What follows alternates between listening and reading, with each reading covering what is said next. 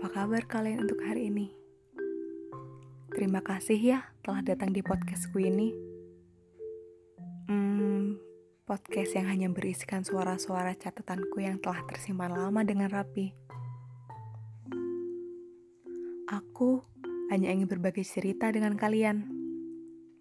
Aku pun hanya ingin berbagi kebahagiaan juga dengan kalian dan dapat menjadi alasan untuk kalian tersenyum.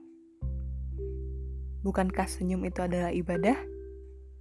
Yuk, mari beribadah saat ini juga. Aku hitung ya.